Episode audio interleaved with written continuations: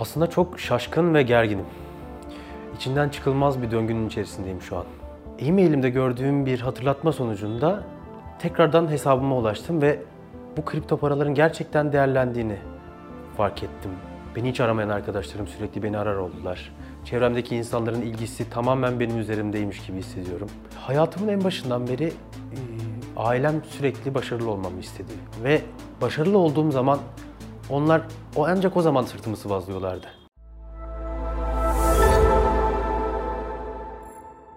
Merhaba sevgili Satoshi takipçileri.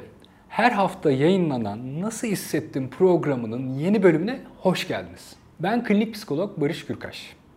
Her hafta Satoshi TV YouTube kanalında ve Satoshi Radyo podcastleriyle sizlerle olmaya devam ediyoruz. Bu hafta Berk'in başına gelen ilginç bir olayı ele alacağız. Kripto paralarla uğraşan insanların başına gelebilecek nadir durumlardan birini yaşamış Berk. Bu yaşadığı kendine dair çok önemli bir farkındalık kazandırmış ona. Kriptodaki davranışlarından yola çıkıp neden hep kendimden çok başkalarını memnun etmek için çaba sarf ediyorum sorgulamasına girmiş. İlginç bir şekilde. Gelin Berk'in hikayesini birlikte dinleyelim. Evet Berk, seni buraya getiren şey nedir? Aslında çok şaşkın ve gerginim. İçinden çıkılmaz bir döngünün içerisindeyim şu an. Tam olarak ne yapmam gerektiği konusunda hiçbir fikrim yok. E, şaşkın, gergin ve içinden çıkamadığını söylüyorsun.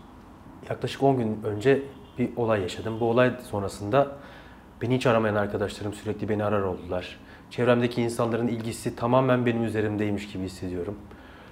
Ailem bana farklı davranmaya başladı. Bu da hiç alışık olmadığım bir insana çevirdi beni. Yani bunların bir sebebi var mı? İnsanların sana bu şekilde davranmasının, bir anda değişmesinin? Evet aslında çok e, trajikomik bir hikayesi var. Yaklaşık 5 yıl önce kripto paralara bir yatırım yaptım. Aslında o zaman için benim için yüklü bir miktar değildi. Fakat e-mailimde gördüğüm bir hatırlatma sonucunda tekrardan hesabıma ulaştım ve bu kripto paraların gerçekten değerlendiğini fark ettim. Parmaklarım uyuştu, beynime kan sıçradı. Ama sonrasında işler böyle devam etmedi. Yani anlamaya çalışıyorum. Bir süre önce yatırım yaptığın bir platform var Evet. ve o yatırımlarına bakmıyorsun bir süre. Unuttum daha doğrusu bakmamak değil. Unuttun yani. Ve sonrasında bir maille hatırlıyorsun. O zaman için e, yüklü bir miktar değildi. Hmm. Fakat e, bazı kripto paralar gerçekten değerlenmiş ve e, yüksek meblağlara ulaşmış. Bunun bu seviyeye geleceğini hiç Hiç düşünmemiştim. düşünmüyordum. Aslında öylesine aldığın bazı şeyler. Peki bu sonra neye dönüştü hayatın bundan sonra? Tabii ki çok heyecanlandım. Önce aileme sonra çevremdekilere bu durumu aksettirdim. Ve inanılmaz hızlı bir şekilde çevremde olan olmayan herkes bu durumdan haberdar oldu. Bir şehir efsanesine dönüştü. Yani kulaktan kulağa yayılmaya başladı. Kesinlikle. Aslında senin bu kadar e, bir e, servet mi demeliyim bilmiyorum. e, parayla karşılaşman. Belki. Ee, dalga dalga yayıldı ve bir kez konuştuğum insanlar bile bu durumun bir kısmı sadece gerçek mi değil mi diye öğrenmek için bir kısmı da ekstra bir ilgiyle sürekli beni arar, Instagram'dan bana yazar. Beni rahatsız edecek seviyede benimle konuşmak ister hale geldiler. O sırada sen ne yapıyordun peki? Onlarla diyalog kurup e, nasıl bir ilişkiye dönüştü aranızdaki şeyler sonrasında? Aslında tamamen benim üzerimde bir gerginlik oluştu. Telefonum her çaldığında rahatsız oluyordum. Her telefonuma bildirim geldiğinde mutsuz oluyordum.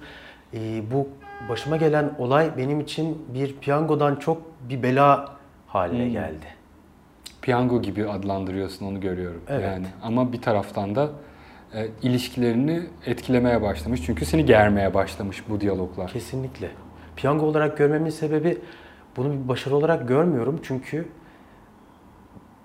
e, çalışıp yap kazandığım bir şey yok. Bir bilinçle yaptığım bir yatırım yok. Bunu tamamen şansa ve belki de biraz arttığını görseydim ve takip etseydim piyasayı satacağım bir kripto parayı unuttuğum için bana yüklü bir meblağ gelmiş Yani oldu. neredeyse e, bunun için böyle üzülecek gibisin. Olumsuz etkilenmiş gibisin bir tarafınla. Eminim öbür tarafın belki bu konuyu analiz ediyor, anlamaya çalışıyor ama Evet, e, çoğu insanın aslında başarı olarak adlandırdığı şey bu. Bu parayı kazanmak için çoğu insan yatırım yapıyor, saatlerini harcıyor. Bense bir emek harcamadan bu parayı kazandım ama ne yapacağımı bilmiyorum bundan sonra. Peki çoğu insan bunu doğru çalışarak bir şekilde kazanmak istiyor. Bazılarına da şans yüzüne gülüyor ya da aslında şans da değil. Yaptığın bir yatırım sadece sen unuttuğun için yükseliyor ve bugün karşına çıkıyor. Bu piyangodan da biraz daha farklı çünkü erken dönem bir yatırım yapmışsın sadece ve onlar sonra değerlenmiş ve yükselmiş.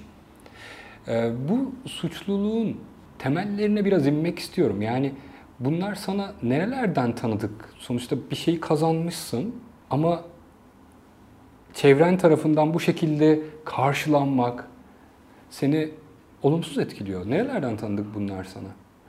Hayatımın en başından beri e, ailem sürekli başarılı olmamı istedi belli konularda. En baştan itibaren ilkokuldan, ortaokul, lise, üniversite, hatta yüksek lisans hep başarılı, hep başarıya koşmamı istediler ve başarılı olduğum zaman onlar o ancak o zaman sırtımı sıvazlıyorlardı. Bu süreçte de kripto parayı kazandığımda ilk babamı aradım ve dedim ki baba böyle bir yatırım yapmıştım ve böyle bir param paramız var artık. Sesinde hafif bir mutluluk sezdim ama o istediğim tepkiyi bekle, beklen tepkiyi alamayınca gerçekten hayallerim yıkılmış gibi hissettim ve bundan sonra aradığım insanları o şevkin yarısıyla, sonrakileri onda biriyle, sonrakileri sanki normal bir şey kazanmışım ya da basit bir kazı kazandığın 50 lira kazanmışım gibi bir heyecanla aradım. Berk'in sürekli dışarıdan bir motive edilmeye dair bir arayış içinde olduğunu görüyoruz. Buna bakınca öz belirleme kuramı geliyor aklıma aslında. Öz belirleme kuramına baktığımızda önemli olan aslında dışarıdan gelen bir motivasyon değil de özerk bir motivasyondur. Özerk motivasyon içten gelir. içten tetiklenir ve bizi harekete geçirir. Bunun için dışsal bir faktöre gerek yoktur. Fakat kontrollü motivasyon bir şekilde dışsal bir uyarana muhtaçtır her zaman. Her zaman dışarıdan bir uyaran, ödül gelmeli ki kişi harekete geçsin.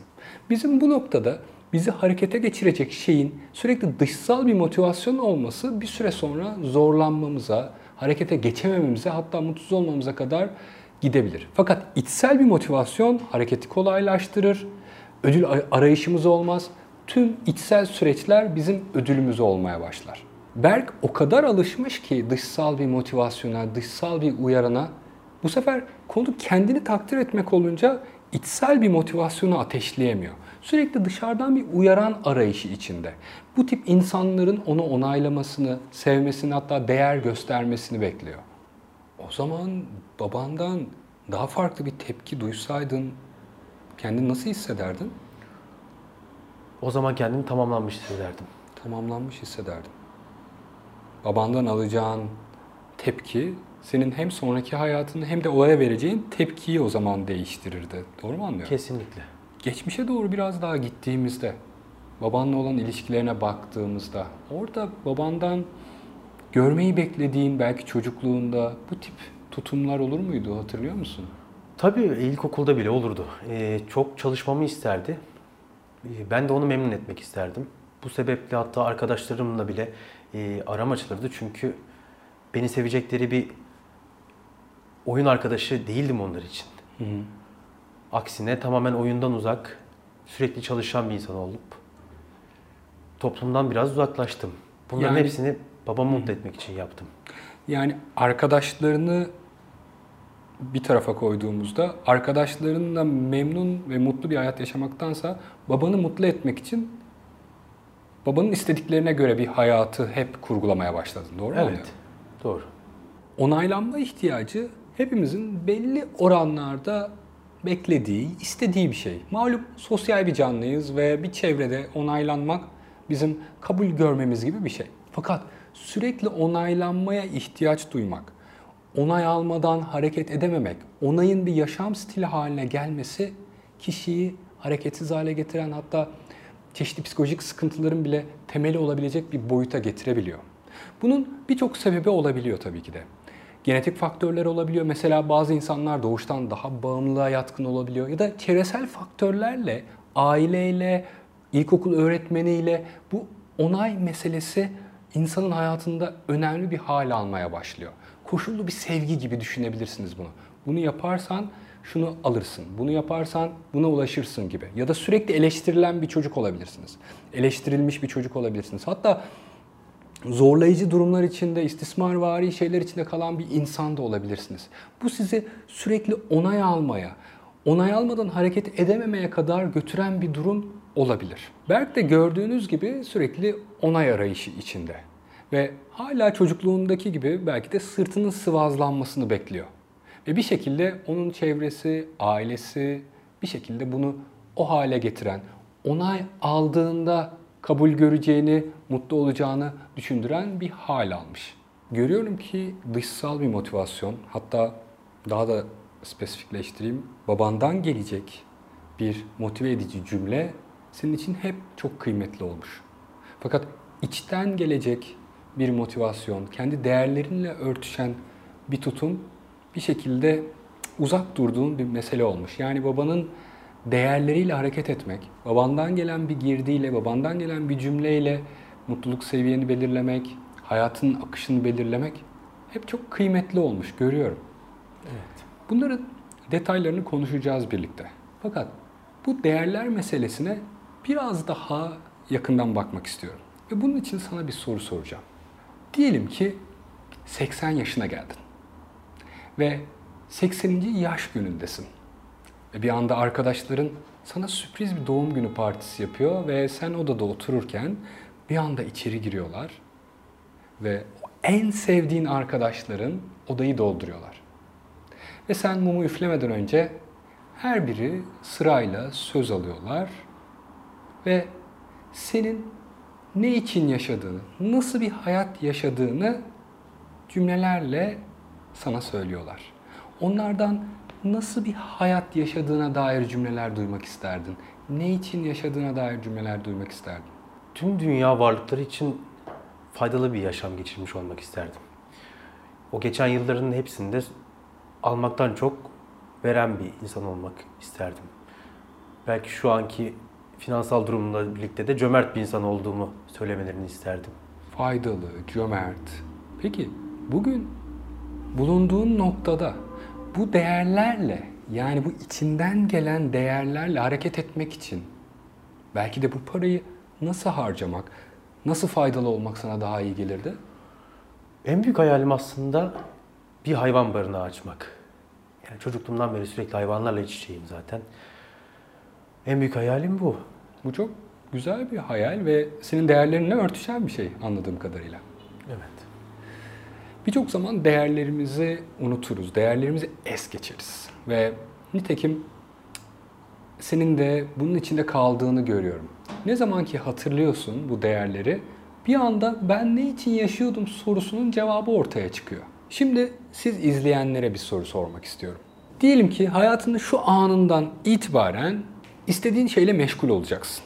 Ve kimse seni bununla ilgili yargılamayacak, soru sormayacak. Yaşamını sürdürmekle ilgili hiçbir problem de yaşamayacaksın. Kazancın vesaire.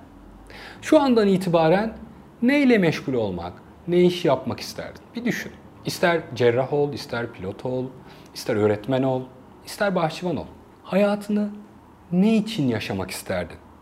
Ne için zamanını tek tek harcamak isterdin bundan sonraki hayatında? Bu soruyu sormamın altında yatan sebep aslında şu. Bugünden itibaren aslında üstünden tüm rollerin, tüm yapman gerekenler, sorumluluklar sıyrılsa yine aynı şeyi yapar mısın? Yoksa başka bir şeyle mi hayatına devam ederdin? Belki de bu sorunun cevabı senin değerlerinle ilgili bir ipucu verecek. Ve bundan sonraki hayatını o şekilde devam ettireceksin. Belki de bu sayede başkalarının yönlendirmelerine hiç kulak asmadan kendi değerlerin odaklı hareket etmeye başlayabilirsin. Ve kendi içsel motivasyonunla her sabah uyandığında harekete geçersin. Değerlerinle tekrar temas edebilmek için tabii ki de kendinle de temas ediyor olman lazım. O durumlarda ne hissediyorsun? Neye yöneliyorsun? Herhangi bir şeyle karşılaştığında seni kaygılandıran şeyler neler? Endişelendiren şeyler neler? Bunları yakalamak oldukça önemli ki sonra değerlerin seni bir yere yönlendirebilsin. Kendi değerlerinle besleniyor olman da aslında kimseye ihtiyacın olmadığını, senin tam, yeterli ve bütün olduğunu zaten gösterecek sana. Evet sevgili dostlar, her hafta yeni bir hikayeyi ele aldığımız Nasıl Hissettim programımızda bu hafta onaylanma ihtiyacının finansal piyasalar dahil hayatımızın her alanını nasıl işgal ettiğini konuştuk. Bu içeriklerden haberdar olmak için, düzenli olarak bu içerikleri alabilmek için Satoshi TV YouTube kanalına ve Satoshi Radyo'ya abone olmayı unutmayın. Görüşmek üzere.